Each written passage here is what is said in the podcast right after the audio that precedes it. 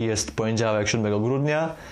Ja jestem Grzesiek, a to jest 14 odcinek y, Greg Motorsports. Dzisiaj będziemy mówili troszkę na temat wyścigów w Bahrajnie, czy Grand Prix Sakhir, parę słów na temat serii juniorskiej, będzie też troszkę, troszkę na temat Ferrari oraz serii IndyCar. Znowu parę słów na temat MotoGP, takie, to będą takie bardziej krótkie newsy, ale też chcę się dzisiaj znowu skupić na, na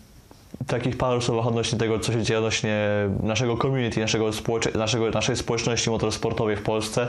ponieważ no, temat wczoraj znowu został podniesiony, no okazuje się, że po prostu, że znowu są jednak jakieś takie mm, no, nie, niezdrowe, niezdrowe sytuacje, po prostu bardzo niesmaczne komentarze się pojawiają znowu w, właśnie mediach społecznościowych przy okazji różnych wyścigów odnośnie pewnych kierowców oraz pewnych y, sytuacji. Myślę, że warto o tym, y, bym o tym parę słów powiedział, ale nie też czasu, zaczynajmy. Możemy właśnie zacząć od takich lżejszych rzeczy. Najpierw możemy powiedzieć odnośnie Formuły E, bo tak nie doprecyzowałem paru rzeczy odnośnie tego, że odchodzi Audi oraz y, BMW po sezonie siódmym, czyli właściwie za już za za ponad pół roku. Te dwie marki odchodzą z Formuły E i tak y, to rodzi właśnie takie pytania, jak to będzie wyglądało odnośnie stawki, ile będzie ekip, ile będzie fabryk. Jeśli chodzi o fabryki, to na ten moment no, wiemy, że po tym sezonie będziemy mieli na pewno Mahindrę, a jak to będzie z Jaguarem, Nissanem, y, bo o tych markach też y, Sam Smith mówił, mówił w The Race parę temu, że no też nie są do końca pewne, że też mogą zniknąć tam z Formuły E, że mogą też no, zmienić swoje swoją e,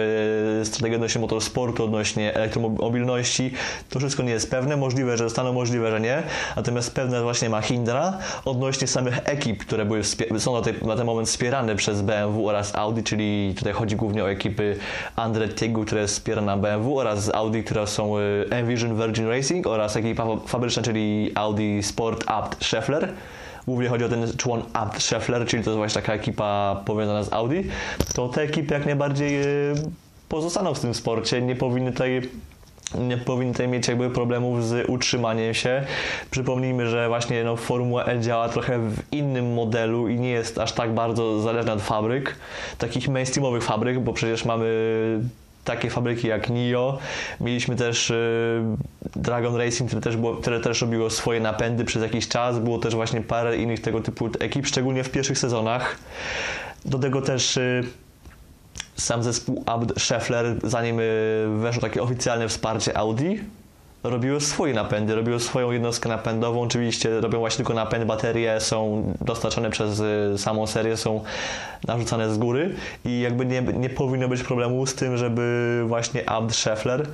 że oczywiście to nie będzie zbyt y, wymagające finansowo, bo jakby nie, nie wiem do końca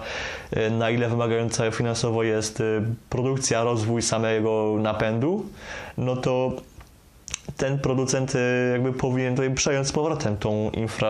infrastrukturę, jakby powinien przejąć ten program i powinni znowu móc robić y, silniki sami dla siebie, znaczy napędy same dla, sami dla siebie. Nie wiem jak to się okaże. Odnośnie Virgin, Envision Virgin Racing, to sytuacja tutaj jest troszkę inna, bo oni są bardziej klientem, w przeszłości byli przecież też związani z marką DS, która jest, y, należy do, do koncernu PSA. Po tym właśnie, po utracie tego kontraktu właśnie z DSM przeszli na Audi jako zespół kliencki i oni jakby mogą, y, podobnie też jak zespół Penske, zespół Andretti, który jest fabryczną ekipą BMW, to te dwie ekipy mogą y, przejść na jakiegoś innego producenta, mogą się jakby stać jakąś ekipą fabryczną, mogą być ekipą satelicką, czy też prywatną innego producenta. Tu jest tak cała masa możliwości. Możliwe jest też, że wejdzie jakiś y, inny producent do, do Formuły E w najbliższym czasie, bo jakby to nie jest y, wykluczone, jakby Formuła E też ma, cieszy się jakimś zainteresowaniem odnośnie producentów. Oczywiście w tym roku nikt nowy nie wchodził. Najnowszy najnowszymi takimi pełnoprawnymi producentami są Porsche oraz Mercedes, którzy weszli do FE rok temu, ale to jakby wciąż y, nie oznacza, że nie wiem, że przyszłość tych trzech ekip jest y, w Formule E zagrożona. To jest myślę na tyle, na tyle, jeśli chodzi o Formułę E, czyli po prostu jakby, jeśli chodzi, chodzi o samą ilość ekip w stawce, nie ma się za bardzo co martwić. Myślę, że zobaczymy też ponad 10 ekip za rok w następnym sezonie. Teraz tak możemy przejść do, do serii IndyCar, też tak parę słów króciutko. bo spekulowało się y, gdzieś właśnie w okolicy wiosny, na początku lata, gdy byliśmy lockdown i ogólnie, gdy sytuacja na zewnątrz nie wyglądała wesoło, znaczy wciąż nie wygląda wesoło, ale według pewnych krzywych, y, pewnych statystyk, które są publikowane dzień w dzień, wygląda, że jakby, że sytuacja jest bardzo wesoła, jest bardzo ten dobrze, ale to jest nieważne. Y, Ferrari było łączone ze serią IndyCar y, pół roku temu, właśnie w okolicach lata. Mówiło się, że chcą wejść jako właśnie program, chcą po prostu utworzyć program silnikowy w IndyCar, tak samo jak Honda i Chevrolet obecnie ma ten program. I też chcą się, się zaangażować Włosi właśnie w tą serię. I to miało być jako taką, y, miało to być w ramach takiego czegoś, że po prostu wchodzą teraz cięcia budżetowe w Formule 1, po prostu ograniczenia budżetów i Ferrari po prostu chce gdzieś y, rozdysponować te swoje zasoby po różnych seriach. Byli też łączeni właśnie z wyścigami endurance, y, klasą prototypową. Byli też łączeni właśnie z serią IndyCar, ale właśnie według włoskiego motorsport.com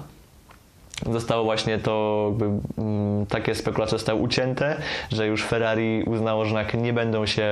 nie będą rozpatrywali tego właśnie programu IndyCar, że jednak to olewają, po prostu to ich nie, na, na, ten moment nie interesuje. W tym momencie dla nich y, najważniejsza jest właśnie Formuła 1 oraz ewentualnie właśnie gdzieś tam programy fabryczno-klienckie w klasach GT. Możliwe jest też wciąż y, pojawienie się w wyścigach endurance właśnie też w klasie LMH lub też LNDH, co też było poruszane przez reprezentantów y, tejże marki, ale IndyCar na ten moment odpada.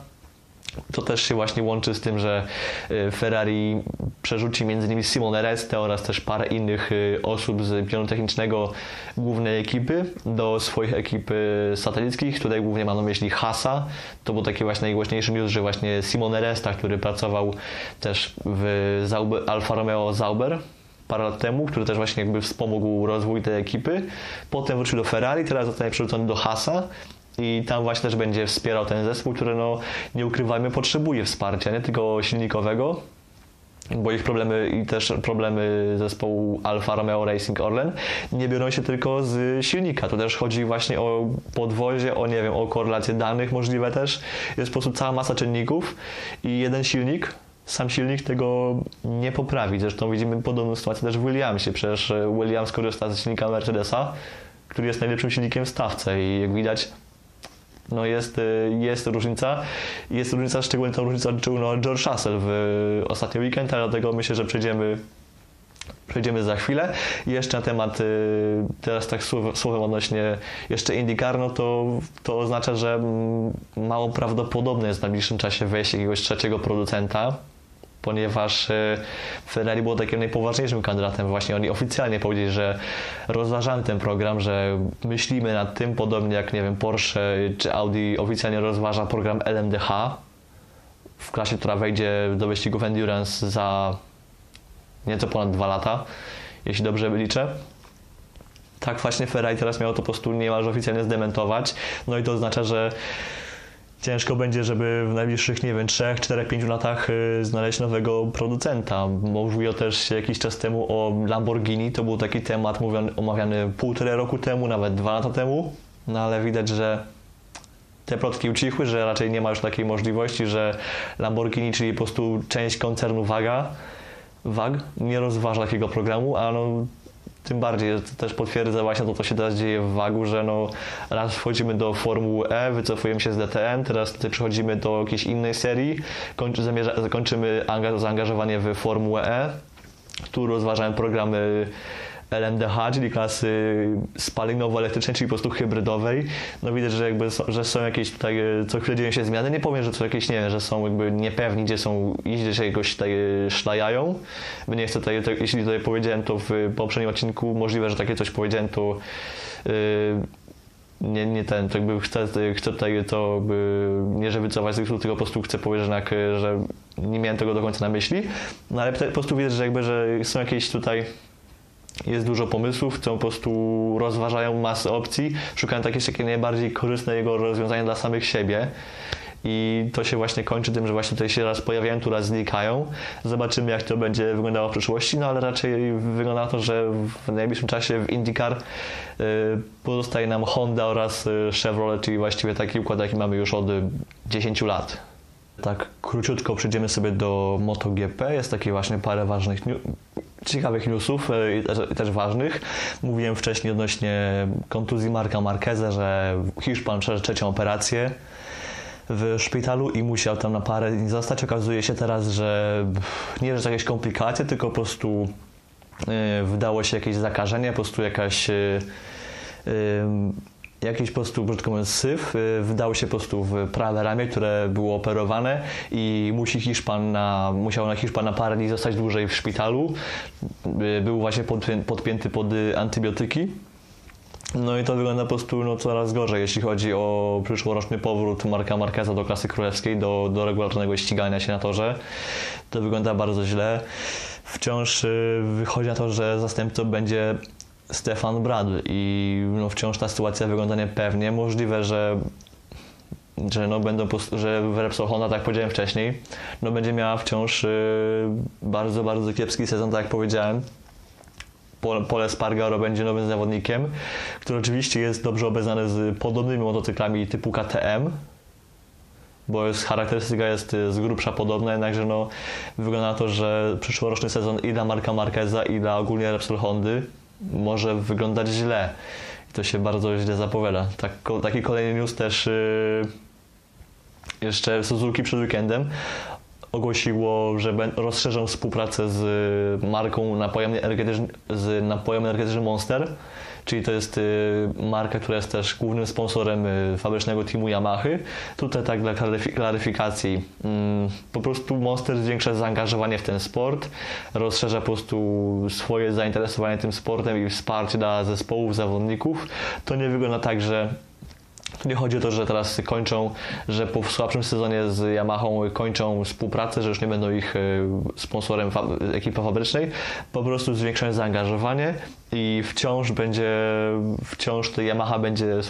będzie sponsorowana przez Monstera, ale jednocześnie też po prostu będzie więcej, będzie większa ekspozycja na motocyklach ekipy Suzuki, teamu X-Star Zobaczymy, czy to w najbliższych latach ewoluuje właśnie w sponsorat fabryczny, znaczy, czy tytularny, czy po prostu to będzie wciąż ten, wciąż y, mm, po prostu bardziej taki jeden z większych sponsorów. Odnośnie też napojów energetycznych, to właśnie też no, wciąż y, nie wiadomo, jak to będzie wyglądało, jeśli chodzi o Tech 3, ponieważ tak mówiłem już y, jakiś czas temu, że ekipa Tech 3, czyli ekipa taka satelicka KTM w MotoGP oraz też Moto3 traci prawdopodobnie właśnie wsparcie Red Bulla Red Bull tutaj właśnie ma, y, zawiera to wsparcie na rzecz, na rzecz y, Hondy w World Superbike oraz też będzie też pewnie może wzrośnie wsparcie, jeśli chodzi o zespół Repsol Hondy, ekipę fabryczną, ale wciąż jakby tutaj fabrycznym, y, znaczy głównym sponsorem będzie Repsol, ale widać, że po prostu, że gdzieś tutaj KTM zmienia, czy KTM, Red Bull zmienia to właśnie to ten jakby zainteresowanie. I ciekawe jest też właśnie mm, jak to będzie właśnie wyglądało, jeśli chodzi o wsparcie finansowe ekipy Tech 3. Tutaj KTM, y, znaczy Hervé Poncharal w jednym z wywiadów mówił, że, że KTM tutaj powinien jakoś właśnie zapewnić jakieś wsparcie, że na pewno to jakoś y, są, że powiem, są pewni, że KTM nie zostawi tej Tech 3 na lodzie, że na pewno to będzie jakieś, że tą dziurę budżetową, jaka powstanie po odejściu, po ewentualnym odejściu Red Bulla, yy, zostanie w jakiś sposób przez KTM zapełniona. Jak to wyjdzie? Jak to, w jaki sposób, to się dopiero okaże w najbliższym, najbliższym czasie i tutaj musimy po prostu bardziej się uzbroić w cierpliwość i patrzeć, co, że powiem, przyniosą y, prasówki zespołu Tech 3. Kilka słów na temat y, serii juniorskich. Tutaj trzeba powiedzieć, że mieliśmy w tym roku świetne ściganie, jeśli chodzi o Formułę 2 i ten finał sezonu na tym, na nitce zewnętrznej, tylko po prostu to było świetne zwieńczenie tego fantastycznego, choć trudnego też sezonu. Myślę, że na szczególne gratulacje oprócz oczywiście Mika Schumachera zasługuje, szczególnie się zasługuje zespół Prema, bo tutaj trzeba powiedzieć, że Prema naprawdę zdominowała serie juniorskie w tym roku. To jest po prostu to, co zrobili, to jest totalny kosmos. Tytuł w Formule 2 wśród zespołów i wśród kierowców, tytuły też w Formule 3 z Oskarem Piastrim, to jest naprawdę coś e, niesamowitego. Formuła Renault, znaczy forma, Formula Regional European Championship, czyli po prostu taka niższa seria od Formuły 3, taka seria bardziej regionalna, ale wyższa od, wyższa od Formuły 4. Też y, totalnie oczywiście stawka tam jest mniejsza, ale została niesamowicie zdominowana przez właśnie zespół, zespół Premy, gdzie mieliśmy oczywiście Gianluca Petekoffa oraz y, Artura Leclerca, którzy byli takimi głównymi głównymi rywalami do tytułu mistrzowskiego w tejże serii. Wczoraj właśnie nam się rozstrzygnęły tytuły na torze Vallelunga. I trzeba powiedzieć, że naprawdę Prema to jest y, naprawdę obecnie w ostatnie 5 lat, czy nawet 8, to jeśli chodzi o serie juniorskie, myślę, że Prema jest gwarantem y, sukcesu. Też jeszcze wspomnę przecież, że we włoskiej Formule 4, która też była wczoraj y, towarzyszyła Formule Regional European Championship. Też mieliśmy przecież tytuł mistrzowski w, właśnie w rękach zespołu Premy, zarówno właśnie zespołu, jak i też wśród kierowców. I trzeba powiedzieć, że naprawdę, jeśli chodzi o Premę, ostatnie, tak powiedziałem, ostatnie 7-8 lat widać, że współpraca z, junior, z, z, Ferrari Driver Academy, czyli po prostu z takim juniorskim y, programem Ferrari, czyli odpowiednikiem programu Red Bulla,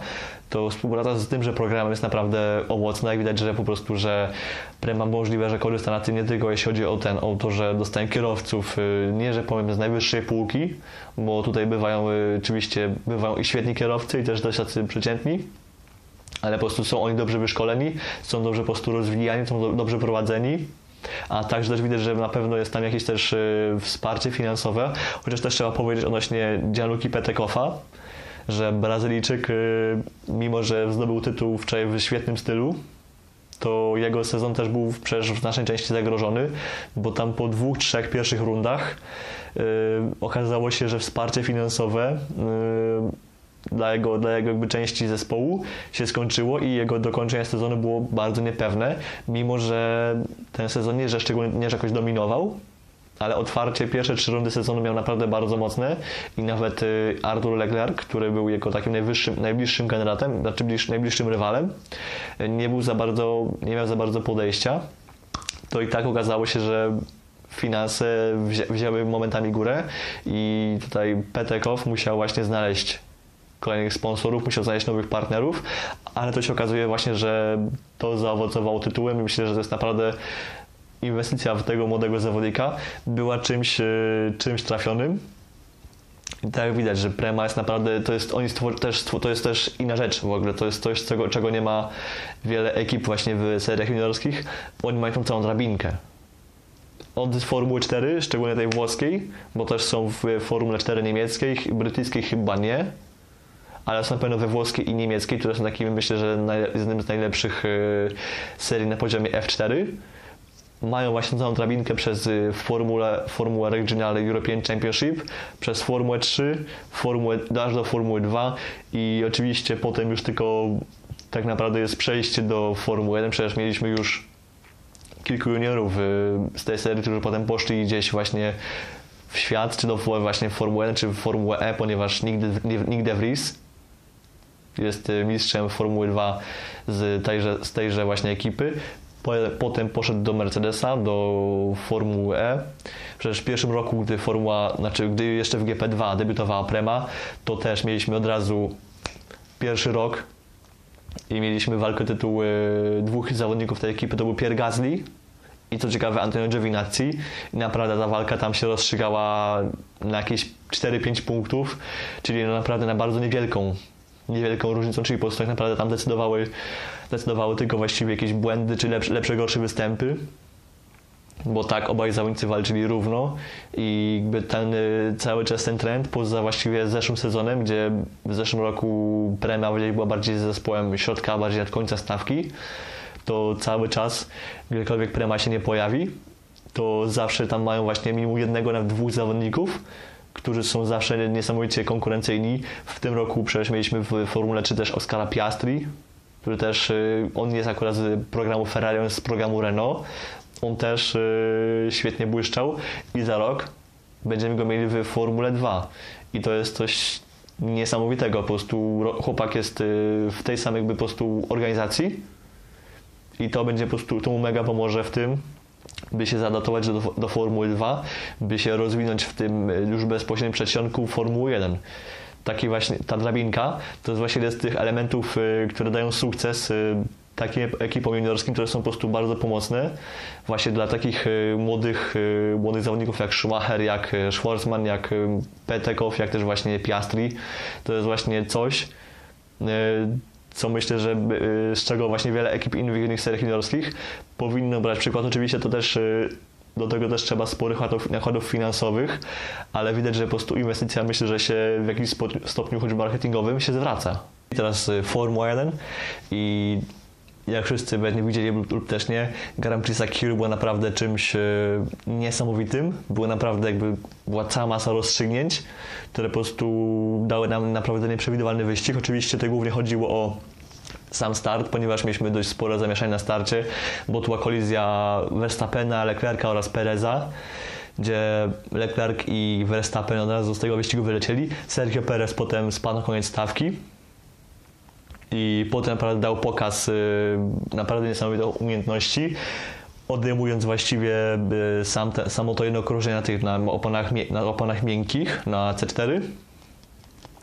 które właściwie zdjął po jednym właściwie okrążeniu po samym starcie i przeszedł na ten, na opony, na opony pośrednie, to właściwie chodzi o to, że w wyścigu mm, optymalną strategią była ten, na jeden pit stop, bo właściwie i właśnie odejmując właśnie ten, ten jeden, y, kółko na tych na miękkich, to Okon i Stroll, czyli właściwie całe podium, dojechało na jeden pit stop, zmieniając opony właśnie w okolicach około 40 krążenia, czyli po prostu podczas zielonej flagi i potem do samego końca mknęli tylko na ten, na oponach y, twardych i widać, że po prostu ta strategia była bardziej optymalna. Tego właśnie, to właśnie też było jakby spodziewane przed tym weekendem, bo też y, tak jak wiele osób zauważyło, w tym też zauważył to zespół Mercedesa, też, czym też właśnie się podzielił przed weekendem, że skoro ta nitka jest tak krótka, ten tor jest tak krótki, to oznacza, że robiąc pit stop, który trwa około 22-3 sekund, to oznacza, że tracimy niemalże pół okrążenia, jeżeli jesteśmy tuż y, za liderem wyścigu. Czyli po prostu jeśli wyjedziemy z boksu, to lider wyścigu, za którym załóżmy zjechaliśmy bezpośrednio do boksu, a on pojechał dalej na, dalej dalej jechał na torze, to on jest w połowie okrążenia. Natomiast jeśli tracimy załóżmy 20 sekund, to niemalże jesteśmy już pewni, że jeśli szybko samochód nie podkręci, że jeśli szybko kierowca nie rzuci tempa, ten, który wjechał do, na nowych oponach, to on zostanie właściwie zdublowany i jeżeli nie będzie samochodu bezpieczeństwa, bezpieczeństwa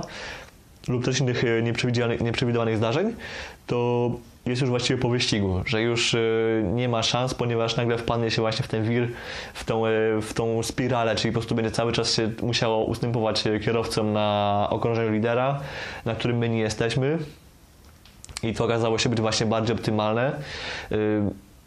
to był właśnie taki dość, ale też w tym było też dużo szczęścia,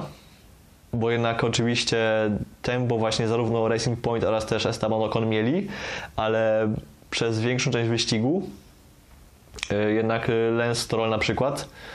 y, jakby jeśli chodzi o czyste, o czyste tempo, to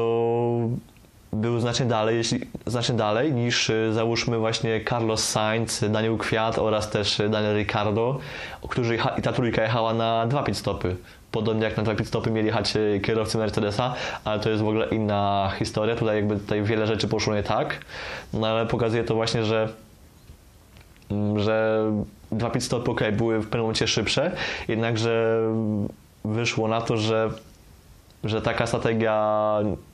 jakby po prostu e, nie przewidziała tego, że będzie samochód bez, bezpieczeństwa na tym etapie wyścigu i w tym momencie właściwie niewiele mogli już e, zrobić. Okazało się, że po prostu, że ten jeden pit stop, jeden pit stop okazał się być właśnie bardziej efektywnym y, w perspektywie całego wyścigu. I tutaj to właściwie też zdedukowało, to sprawiło też, że w ogóle nam się wyrzuci, wywróciła też klasyfikacja generalna, jeśli chodzi o klasyfikację zespołową, znaczy konstruktorską, bo nagle nam z dość sporej przewagi bodajże 15 punktów y, McLarena nad Racing Point nagle to się odwróciło i teraz y, Racing Point jest y, na ten jeden wyścig przed końcem sezonu jest 10 punktów przed McLarenem, więc to będzie naprawdę bardzo, bardzo zażarta walka. Będziemy mieli właściwie walkę już taką ostateczną o to trzecie miejsce. Z tej walki już definitywnie wypada Ferrari. Renault, jeśli chodzi o jeśli chodzi o taką praktyczną szansę, to też już możliwe wypada, bo jakby matematycznie wciąż się liczą, bo tam wciąż to jest strata strata zaledwie 20-30 punktów. ale no w praktyce raczej takich punktów y, nie odrobią, chyba że znowu się nam zadzieje taki sam wyścig, jak był teraz u Grand Prix'a Hiru. Jeśli chodzi zaś o Mercedesa, to było widać naprawdę, że samy jakby wyścig do momentu pit stopu, pomijając tam chwilową właśnie chwilowe problemy z mocą w samochodzie George'a Russella, to naprawdę był świetnie był świetnie zarządzany, był świetnie prowadzony i ta sytuacja w pit stopie podczas zmiany opon, gdzie najpierw y, kierowcy dostali niewłaściwe komplety, które, znaczy komplety, które, nie, które ten, y, że George Russell dostał opony Bottasa, znaczy część kompletu Bottasa, a Bottas dostał, dostał część kompletu George'a Russella, plus też miał dość długi przestój w boksie przez problemy z zdjęciem, z, z odkręceniem nakrętki. Potem też był tam, y, pojawił się płomień w, w przednim hamulcu. To pokazuje, jak y, właściwie niewiele, jak po prostu jak wiele może pójść nie tak, że jakby dlatego jakby dlatego ważne jest właśnie w to, by w zespole było dwóch kierowców, którzy są w stanie walczyć o zwycięstwo, że jeżeli jeden kierowca wybara z tej walki, to musi być drugi kierowca, który który będzie potem w stanie tą pałeczkę przejąć i powalczyć o zwycięstwo. I to myślę, że nas tutaj jakby zaraz zaprowadzi ten, do tego segmentu, w którym właśnie bardziej chcę powiedzieć właśnie na poważnie o temat tego, co się właśnie mówi odnośnie pewnych teorii spiskowych, o których yy, się mówi, o których trzeba było dość głośno i jakby wylało się naprawdę sporo wiadra takiego właśnie takiego mm, takiego powiedzmy fermentu. No po prostu widać, że niektóre osoby wieczne jakieś teorie spiskowe i o tym trzeba jednak powiedzieć, bo naprawdę to jest y, bądźmy szczerzy, krzywdzące dla, te, całego community. To jest też y, buduje po prostu jakiś taki fałszywy obraz y, sytuacji w sporcie, które po prostu potem nam rujnuje właśnie, rujnuje po prostu opinię całej, y, całej Formuły 1, y, raczej jej postrzegania w Polsce. I to tak myślę właśnie teraz pora ten taki troszkę poważniejszy fragment, no właśnie odnośnie wytłumaczenia sobie pewnych paru spraw, które jakby właśnie dzieją się w właśnie polskim community Formuły 1, bo myślę, że to jest coś, co jest bardzo niefajne i też no ogólnie po prostu, tak powiedziałem wcześniej, trochę psuje właśnie reputację tego sportu w Polsce, które też potem e, sprawia, że niektórzy ludzie po prostu mają takie dość e, mylne opinie, bo jakby też mają prawo jakby nie wiedzieć pewnych rzeczy, ale są osoby, które po prostu są dziennikarze, dwóch, właśnie dwoje, nawet więcej dziennikarzy, którzy po prostu no, rozumiem, że mogą mieć swoje opinie, mogą je wyrażać, e, mogą się je wyrażać w jakiś sposób, jaki chcą, mm, ale też muszą być tego świadomi, że jednak e, mają pewne wpływy, mają pewne zasięgi, że są osoby, są kibice tego sportu, którzy jakby są bardziej casualami, którzy nie znają tego sportu tak dobrze jak nie wiem, jak ja, czy jak w ogóle już jak jak y, niektórzy dziennikarze, których właśnie mam na myśli, których y, chciałem tutaj właśnie powiedzieć. I oni muszą być tego świadomi, że właśnie, że skoro są osoby, które tego sportu nie znają, to ich opinie yy, kształtują się to pogląd na temat, pewnych, na temat pewnych rzeczy. Mówiłem wcześniej właśnie, że tydzień temu już mówiłem, że właśnie, że było parę, padły, padło parę rzeczy oraz takich opinii, które są po prostu troszkę nie na miejscu. Podczas tego weekendu też padł na przykład nie wiem, tweet właśnie Cezarego Gutowskiego. Parę takich tweetów padło, w których y, no, zostało zasugerowane, że jakby, że jakby Grosjean rozstaje się z Formuły 1 w godnym dla siebie stylu, no, a rozstał się z nią y, no, niestety poprzez y, wylądowanie w barierkach. Przez wypadek, który po prostu mógł się skończyć bardzo tragicznie.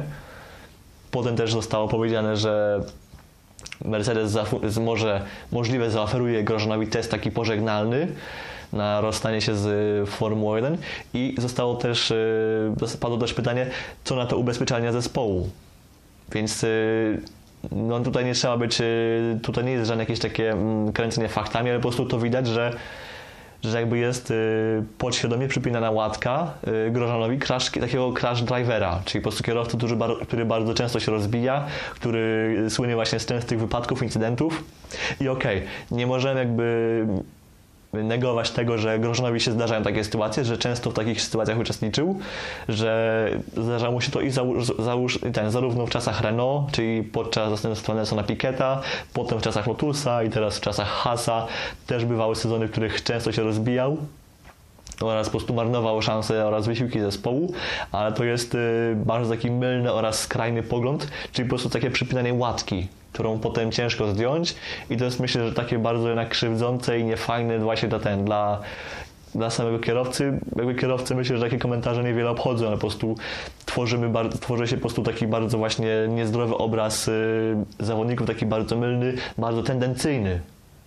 który myślę, że jest no bardzo po prostu niefajny. Nie, mo- nie możemy, nie można coś takiego pozwolić, nie, takie rzeczy nie mogą się dziać,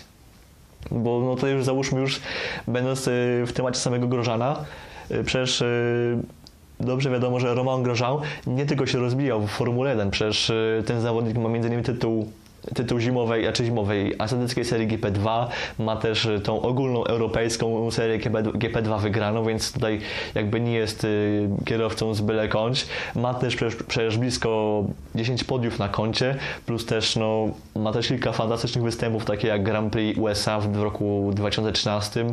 gdzie walczył o podium z Markiem Weberem i no, jakby też y, nie był szczególnie daleko od zwycięstwa. Już naprawdę nawet chyba najlepszym występem było myślę, że Grand Prix Japonii, czyli parę wyścigów wstecz, też w roku 2013, gdzie też przecież y, znaczną część wyścigu prowadził i gdyby właściwie nie, nie wiem, gdyby nie lepsza trochę strategia, czy jakieś parę innych elementów poszło lepiej, to Francuz mógłby odnieść swoje pierwsze, może jedyne, może jedno z wielu zwycięstw. I to były takie inne wyścigi, które warto pamiętać. Przecież było też parę wyścigów na Węgrzech lub też po prostu parę pierwszych wyścigów w roku 2012. Jeszcze zanim doszło do tego wyścigu, który, po, którym, po którym został zawieszony, czyli, po, czyli przed SPA 2012, to przecież było parę innych takich też dość sensacyjnych podiów Grożana. Przecież w Bahrajnie w 2012 roku, potem w Kanadzie, gdzie też y, wyścig był bardzo taki taktyczny, bo wiele zależało od y, zarządzania oponami, od y, rozgrywania odpowiednio strategii. I Romain Grosjean, podobnie jak Sergio Perez, w tamtym roku w odpowiednich y, sytuacjach Oczywiście też obydwu, się, obydwu im się zdarzały y, sytuacje, incydenty, które były mniej lub bardziej niebezpieczne. I tego nie ukrywajmy, ale też nie można mówić, y, że tylko to im się zdarzało. Obydwaj ci panowie przecież mieli też y, fantastyczne wyścigi. I dla mnie jakby w roku 2012 te ich najlepsze wyścigi były na podobnym poziomie. Oczywiście Sergio Perez w tamtym roku no ogólnie był jednak y, prezentował znacznie lepszą formę i potem ta forma przekształciła się w to, co mamy teraz, czyli niesamowity rok y, 2020, w którym Perez y, w, ciągu ostatnich kilku wyścigów stale walczy o podia. Tydzień temu w Bahrajnie mógł, właściwie powinien stanąć na podium, właściwie go tylko awaria silnika z tego wykluczyła. Stanął w Turcji na podium po świetnym wykonaniu strategicznym, po świetnym jakby zarządzaniu oponami oraz też sytuacją na torze. I teraz ten weekend y, świetna odbudowa wyścigu, który po pierwszym okrążeniu wydała się zrujnowany. Potem Perez dzięki właśnie chłodnej głowie, dzięki odpowiedniemu zarządzaniu, zarządzaniu oponami, po świetnie wykonanej pracy oraz strategii, odniósł swoje pierwsze zwycięstwo. I gdybyśmy mówili tak samo o Perezie, w roku 2000, gdybyśmy mówili teraz- to samo o Perezie, y, co mówią o Grożanie, to w pewnym sensie też byłoby to zgodne, ponieważ Perezowi też się zdarzają często, znaczy często, nieraz zdarzają się jakieś różne właśnie incydenty. Przecież pamiętamy, było kilka sytuacji z Estebanem Okonem. I co? I jakby, jakby Grożan też ma takie sytuacje, a Perezera rozpatrujemy teraz jako, jako, jednego z najlepszych kierowców w stawce, ponieważ no, on zdobywa podia, a Grosjean przez to, że jeździ samochodem właściwie jednym z najgorszych w stawce, to nie pamiętamy jego sukcesów z przed lat. I tylko patrzymy na to, że, że tutaj się rozbił ze samochodem bezpieczeństwa, że tutaj spowodował kolizję, że tu spowodował to, że tutaj zahaczyło kwiata i y, y, bardzo niebezpiecznie jakby wykona... znaczy był jakby y, był jakby zawodnikiem, który uczestniczył w bardzo niebezpiecznym wypadku sprzed tygodnia, więc nie rozumiem dlaczego tutaj jest takie podejście takie właśnie dość dwojakie, nie? Że jakby, że Perez, że Perezowi nie pamięta się takich y, sytuacji, które też się zdarzały, oczywiście były one mniej niebezpieczne, ale Grosjean, który już jest, y, ma ostatnie podium jego ostatnie podium przypada na rok 2015, czyli ponad 5 lat temu, to jemu takie sytuacje się właściwie wypomina, że to jest jakby, że mówi się na przypina, łatkę, że to jest bardzo charakterystyczne, że nie pamięta się, nie wiem, czasów pierwszego sezonu w Hasie, czy na drugiego, czy trzeciego, gdzie też bywały świetne czwarte, piąte miejsca, które też były jakby świetnie jakby pokazywały bardzo dobrą jazdę ze strony właśnie i Magnusena, i Grożana, ale takich sytuacji się nie pamięta, tylko pamięta się to, co zdarzyło się tu i teraz, że tutaj się rozbił, tu się rozbił, że tutaj e, się obrócił. Jakby nie za bardzo to rozumiem. Teraz druga część, czyli odnośnie George'a Russella, który też e, o którym też no, dość głośno było mówione wczoraj właśnie w kontekście tych, że właśnie takiego właśnie dość e, nierównego traktowania przez pewnych dziennikarzy. Bo pomińmy sytuację tą, że w Williamsie w zeszłym roku działy się dość różne dziwne rzeczy, które po prostu były trudne do wytłumaczenia i mogły wskazywać na to, że Williams jednego kierowca traktuje tak, drugiego inaczej. Nawet przecież, skoro już nawet sam Robert Kubica mówi tutaj tak, daje do, daje do do, do zrozumienia, że coś mogło się dziać, to jakby okej, okay, ja tutaj nie za bardzo chcę z tym, nie będę z tym dyskutował, ponieważ jakby to jest, to jest wciąż też troszkę słowo przeciwko słowu, ponieważ tylko o tym Kubica mówi, nikt inny w zespole albo też z, z okolicy zespołu o tym nie mówi, tutaj tego tematu nie chcę za bardzo poruszać, ponieważ to, to, to są takie, jakby nie wiemy wszystkiego, też kierowca nie, te, nie wszystko jakby chce lub też nie może powiedzieć, więc tutaj ten temat, y, nie chcę tego tematu poruszać, ponieważ to jest bardzo taki wrażliwy temat, ciężko mi nawet samemu powiedzieć ten, czy czy zespół mógł być, czy mógłby ten, czy traktowanie było równe, czy może ktoś był bardziej preferencyjnie traktowany rok temu, czy też w tym roku. Ten temat zostawmy, ale no w Mercedesie, gdy pojawił się George Russell, no to to jakby niemalże czarno na białym widać, że u pana Cezarego Gutowskiego się pojawiło właśnie parę takich wpisów, no, które sugerowały to, że no Mercedes będzie tutaj miał, miał ten, yy, rzuci wszystkie wszystkie siły na George'a Russella, a Walter Bottas tam będzie gdzieś tam, gdzieś tam z boku, gdzieś tam sobie będzie ten, musi sobie jakoś tam ten weekend, sobie tam jakoś sam radzić i będzie no na drugim, nawet może trzecim planie. Najważniejszy tutaj George Russell i tutaj, że teraz Mercedes będzie w ogóle ten grał przeciwko Bottasowi. I no taka, to, taka była narracja. Taka była narracja, tak to wyglądało, że tak też było mówione, tak też y, wynikało z tych wpisów zdaniem pana Cezarego, że właśnie, no, że że, ten, że, że, groża, groża, że Russell jest y, faworyzowany, że, będą, że zespół zrobi wszystko, by ten wygrał, y, wygrał Russell, a no, jak widać kwalifikacje pokazały, że zarówno właśnie, że właśnie Bottas y, i w Q1 i w Q2 pokonywały Russella dość e, jakby wyraźnie o parę, po kilka dziesiątych. Potem w Q3 nagle, potem w Q3 też pokazał, pokonał, ale tak już minimalnie, więc tu nie można mówić tak, że ten, że skąd tak na się bierze to, że Bottas tak naprawdę zdobył pole position, bo skoro, gdyby, skoro zdaniem pana Mercedes C by Russell wygrał, by Russell był tym lepszym kierowcą w ten weekend, no to halo, no to pole position by zdobył Russell, to Mercedes by już się o to postarał. Druga rzecz jest taka, że dobrze wszyscy wiemy, że no, to też jest nieprawda, że Mercedes faworyzuje któregoś kierowcę y, w taki jednoznaczny sposób, w, taki w ten weekend, no bo przecież też Red Bull był pewnym zagrożeniem. Jeśli chodzi o Maxa Verstappena, to ich tempo w treningach pokazywało, że na oponie pośredniej czy też miękkiej ich tempo nie odstawało szczególnie od Mercedesa, więc to oznaczało, że Mercedes nie był taki pewny, czy ten, czy ich tempo będzie wystarczająco dobre w wyścigu, czy może jednak właśnie Red Bull jakoś im zagrozi. No to jest właśnie taka sytuacja, w której no, zespół jest zagrożony, właśnie ma, jest zagrożone zwycięstwo, a zwycięstwo w wyścigu dla Mercedesa jest zawsze jakby najważniejszym punktem, najważniejszym momentem, najważniejszym właściwie osiągnięciem y, po prostu jest cele nadrzędnym i jakby niezależnie czy to zdobędą z Bottasem, czy z Hamiltonem, czy z Russellem, po prostu najważniejsze jest zwycięstwo i w momencie, w którym y, to zwycięstwo nie jest pewne, to rzucają całe siły na ten, na obydwu kierowców, żeby takowe zwycięstwo zapewnić i tutaj mówienie, że że wolą, że Mercedes wręcz woli, żeby wygrał kierowca, który jest po raz pierwszy w tym zespole, który jest, y, zna tylko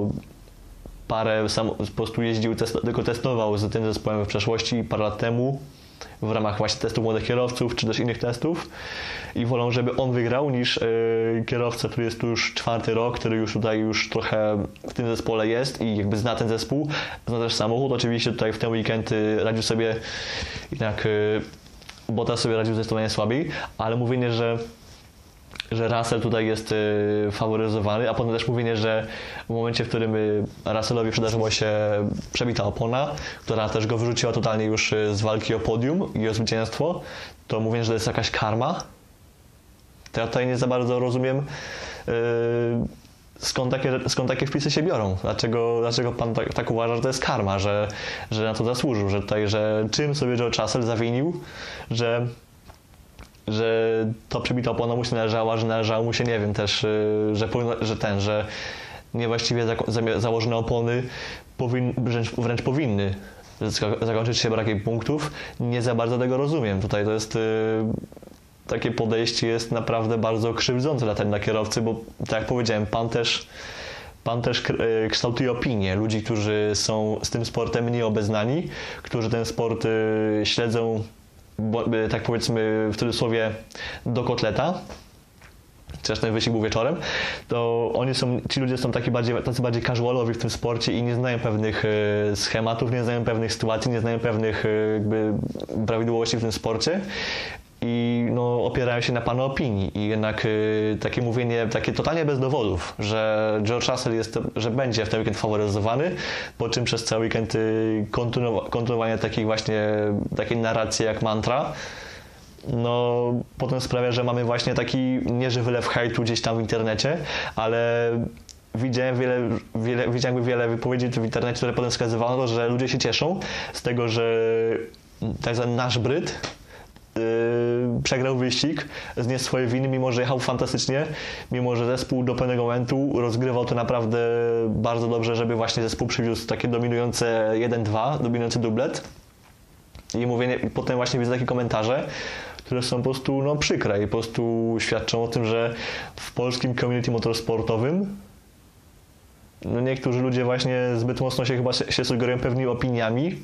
które no też właśnie nie pokazują peł- pełnego obrazu sytuacji i to jest y, coś, co myślę, że należałoby zmienić. To był odcinek 14, ja Wam dziękuję za uwagę. Mam nadzieję, że wszystko, co w tym odcinku zawarłem oraz Wam przekazałem jest y, zrozumiałe, że nikt tego nie bierze jako jakiś y, personalny atak, ponieważ to nie był atak, po prostu to była moja opinia, to była po prostu moja konstruktywna krytyka, której po prostu chcę, chcę zwrócić uwagę na pewne rzeczy, na pewne jakieś zjawiska. Mam nadzieję, że to jakby się też przyczyni do jakiegoś y, rozwoju oraz poprawy sytuacji w naszym jakby społeczeństwie, społeczności motorsportu w Polsce, bo jakby wierzę, że możemy prowadzić kultu- kulturalną dyskusję na poziomie, mówię, możemy też po prostu mówić o pewnych rzeczach, bez jakichś po prostu tworzenia jakichś y, narracji oraz po prostu jakichś krzywdzących krzy- oraz krzywdzących oraz po prostu jakichś pewnych kwasów. Mam nadzieję, że właśnie, że Wam to, też to się podobało. Zachęcam do jakiejś oceny, do komentarzy, do jakiegoś y, feedbacku odnośnie mojej twórczości, a my widzimy się już niebawem.